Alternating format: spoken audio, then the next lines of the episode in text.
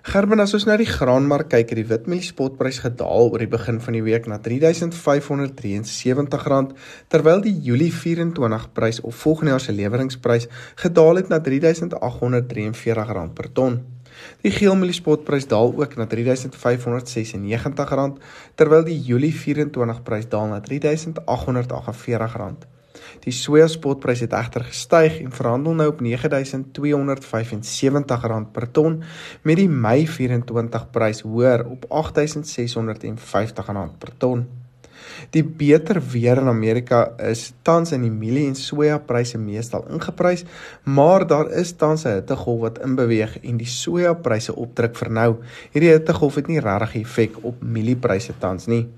Die markte is egter besig om weg te beweeg van Amerikaanse weeromstandighede na gebeure veral in China.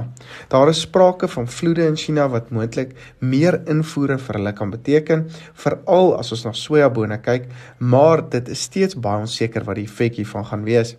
Vark en voerpryse is ook besig om te styg in China wat ook beter vraag na mielies en sojabone kan beteken.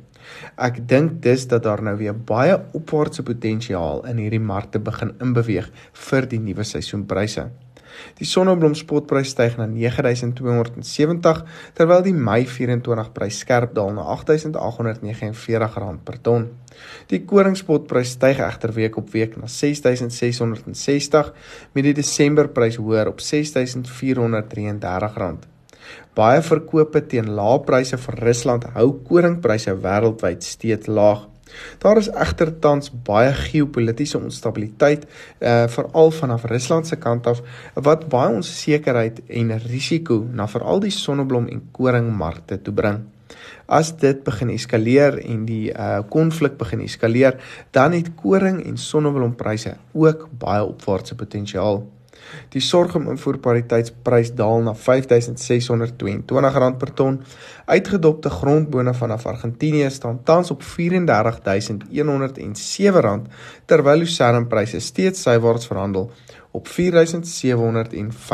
per ton. Vir meer inligting rakende hierdie markte, besoek gerus AMT se webtuiste by amtrends.co.za vir die nuutste pryse, video-oorsigte asook meer gedetailleerde verslae.